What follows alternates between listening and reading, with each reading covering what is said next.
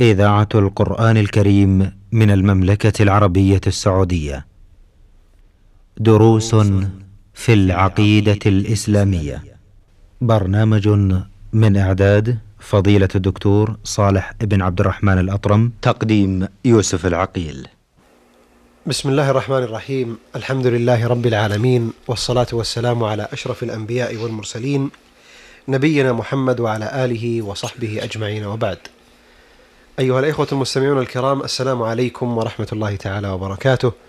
وحياكم الله إلى لقاء جديد في برنامجكم الأسبوعي دروس في العقيدة الإسلامية والذي نستضيف فيه فضيلة الشيخ الدكتور صالح بن عبد الرحمن الأطرم عضو هيئة كبار العلماء. في مطلع هذه الحلقة نرحب بفضيلة الشيخ. مرحبا بكم فضيلة الشيخ. حياكم الله ووفق الله الجميع اللهم آمين. أيها الإخوة المستمعون الكرام معنا في هذه الحلقة باب جديد من أبواب كتاب التوحيد الذي هو حق الله على العبيد. ألا وهو باب قول الله تعالى حتى إذا فزع عن قلوبهم قالوا ماذا قال ربكم؟ قالوا الحق وهو العلي الكبير.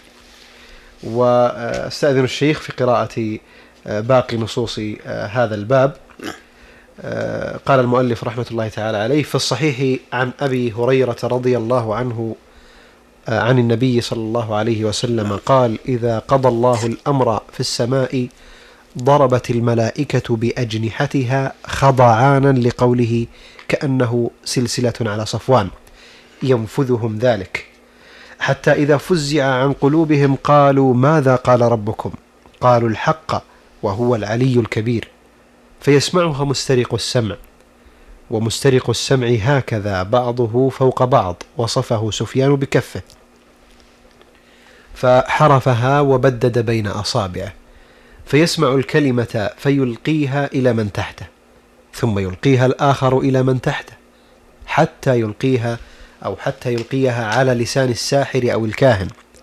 فربما أدركه الشهاب قبل أن يلقيها وربما ألقاها قبل أن يدركه. فيكذب معها مئة كذبة. فقال أليس قد قال لنا يوم كذا وكذا كذا وكذا؟ فيصدق بتلك الكلمة التي سمعت من السماء. وعن النواس بن سمعان, سمعان رضي الله عنه قال قال رسول الله صلى الله عليه وسلم إذا أراد الله أن يوحي بالأمر تكلم بالوحي. أخذت السماوات منه رجفة أو قال رعدة.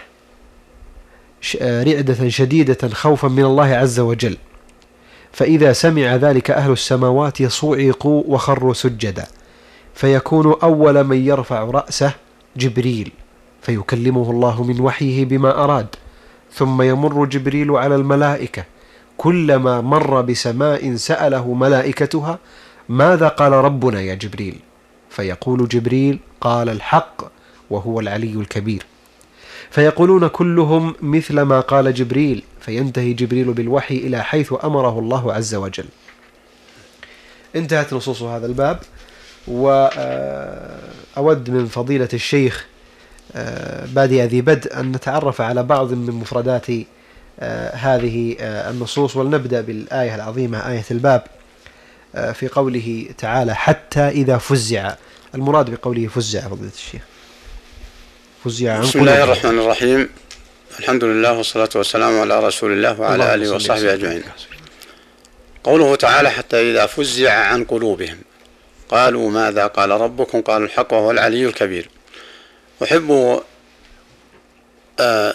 أن أشير ولو قليلا لمنهج تأليف الشيخ لهذا الكتاب. وهو أن الشيخ رحمه الله وسائر علماء المسلمين. اللهم لاحظ واقع تعلق الجهلة بالإسلام بغير الله فيما لا يقدر عليه إلا الله. وأن من جملة ما يتعلق به فيصرف له حق من حقوق الله الملائكة. والملائكة هذه صفتهم التي وردت في هذه الآية حتى إذا فزع عن قلوبهم قالوا ماذا قال ربكم؟ قالوا الحق وهو العلي الكبير. فإذا كانت الملائكة يصيبها هذا الخوف من الله وتجيب بهذا الجواب فأين ال... فأين العقل السليم؟ والعقل السليم هو الذي يعتبر من شدة هذا الخوف من الملائكة. كيف يخافون من ربهم؟ وكيف يقدرونه ويوقرونه؟ ثم يأتي من يأتي من الناس فيتعلق بالملائكة.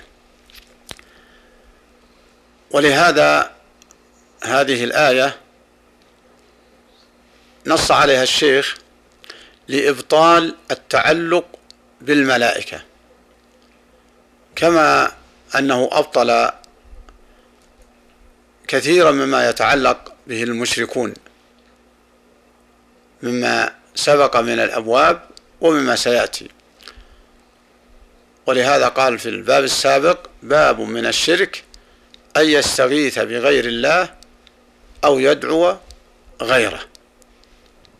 أو يدعو غيره هذا من الشرك. نعم.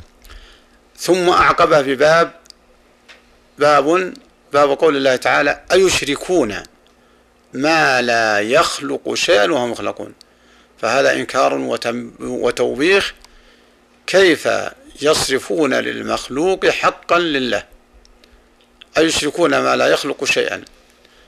إذا من الذي يستحق أن يفرد بالعبادة وأن يفرد بمعنى لا إله إلا الله هو الحي القادر الحي الذي لا يموت القادر. أيشركون ما لا يخلق شيئا. هذا عنوان السابق. ولما كان المشركون والخرافيون والذين جهلوا التوحيد ومعناه ومعناه صاروا يصرفون تعلقهم بالصالحين وبالأنبياء وبالملائكة وبالملائكة. وقد مر علينا في حلق حلقات ليست حلقة واحدة لكن لأهميتها لا مانع من تكرارها والتأكيد عليها نعم. والتأكيد عليها. بأن صفات ما يتعلقون به هو ما ذكر في قول قل الذين زعمتم من دون الله. فذكر منه أربعة أوصاف. لا يملكون مثقال ذرة. إذن هل يستحق أن يتعلق به؟ لا يملكون مثقال ذرة. وليس لهم شرك مع الله. وليس منهم أحد عوين. ولا يجوز الإنسان أن يتخذ شفاعة عند الله أو وسيلة بل يطلب ربه حقيقة. وهذه الآية أؤكد على الإخوة المسلمين السامعين أن يكرروها ويتفهموا معناها. ويتفهموا معناها. لأن الذي يرجى نفع أحد أحد الأربعة. واحد من هؤلاء الأربعة. وإذا كان هؤلاء الأربعة كل كل دعاهم باطل. قل لا يملكون ولا سرك لله ولا أعوان ولا شفعاء ولا شفعاء فأين العقل السليم؟ فالعقل السليم يتعلق بمن ينفع. وهؤلاء لا ينفعون. إذا إذا بقوا معنا الملائكة وحتى الملائكة. واسمع ما قال الله فيهم ولا تبع الشفاعة عنده إلا بإذنه. سبحانه. حتى إذا فزع عن قلوبهم. يعني وفزع معناه زال الخوف. رفعوا من السجود وتساءلوا.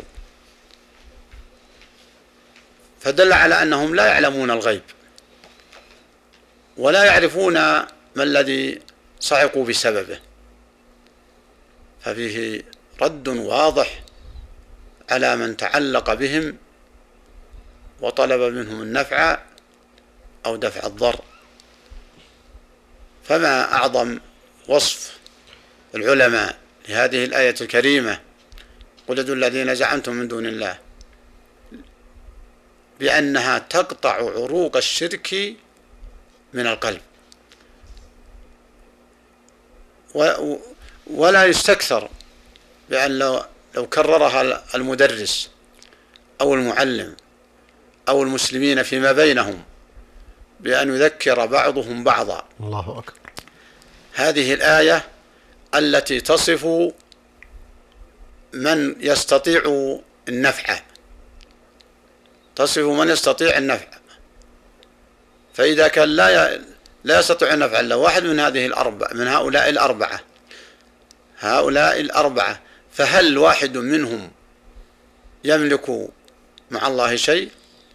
قل ادعوا الذين زعمتم من دون الله. لا يملكون مثقال ذرة. طيب بطل الملك. في السماوات ولا في الأرض.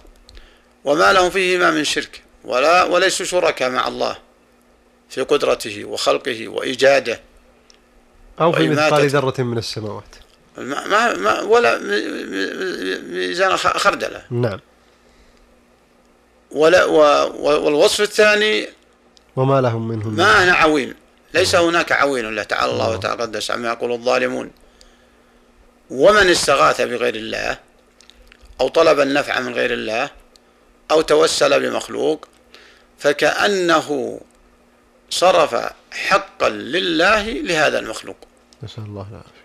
وكأنه جعل أو نصب هذا المخلوق عوين لله أو شريك لله والله قد نفاه. وما له منهم من ظهير. قد لا يقولون أنه ظهير ولا شريك لكنهم صلحاء وأعمى ونحن نرتكب ونعصي فنتوسل بهم أن يشفعوا لنا عند الله. وسطاء. وسطاء. وقد عاب الله على المشركين الذين بعث بعث فيهم الرسول عليه الصلاة والسلام وهذه هي مقالتهم. ما نعبدهم إلا ليقربونا إلى الله زلفى. هذا كلام كفار قريش الذين قتلهم الرسول عليه الصلاة والسلام. اللهم صل وسلم وهذه مقالة المنحرفين من اليهود والنصارى وغيرهم ومن الخرافيين نعم. الذين يتعلقون بالأموات. من والله سبحانه وتعالى نفى هذه الصفات لأنها لا توجد إلا بالله سبحانه وتعالى. سبحانه. وأن ما تعلقوا به ليسوا أعوان وليسوا شركاء وليسوا أعوان وليسوا شركاء وليسوا أعوان وليسوا شفعاء. وليسوا شفعاء. نعم. فالواجب على العاقل السليم على صاحب العقل السليم أن يتعلق بمن ينفعه ويستطيع دفع الضر عنه. والآية ولله الحمد. لا لا لا لا يعجز أحد عن حفظها والتأمل في معناها. ولو كررها كل وقت لأن نفع معناها عظيم للمسلم وللإنسان لكن المسلم الذي تسمى بالإسلام أولى بأن يحقق إسلامه. أما من كان كفره ظاهر وشركه ظاهر هذا أمره واضح. لكن الإشكال كل الإشكال في من يتسمى بالإسلام ولم يعرف معنى الإسلام فما أعظمها من مسألة. لم يعرف معنى لا إله إلا الله لأنه الواحد الأحد الفرد الصمد المعبود وحده. وهذه الصفات التي في هذه الآية قل الذين زعمتم من دون الله هي تثبت وحدانية الله. و وتنبئ ويستفيد ذو العقل السليم بأنه لا ينفع إلا الله إلا الله سبحانه وتعالى. نعم. وما قد يقال للصالح لرجل صالح ادعو الله لي هذا لا لا ما, ما سمى واسطة لأنه ما قال توسل بك إلى الله.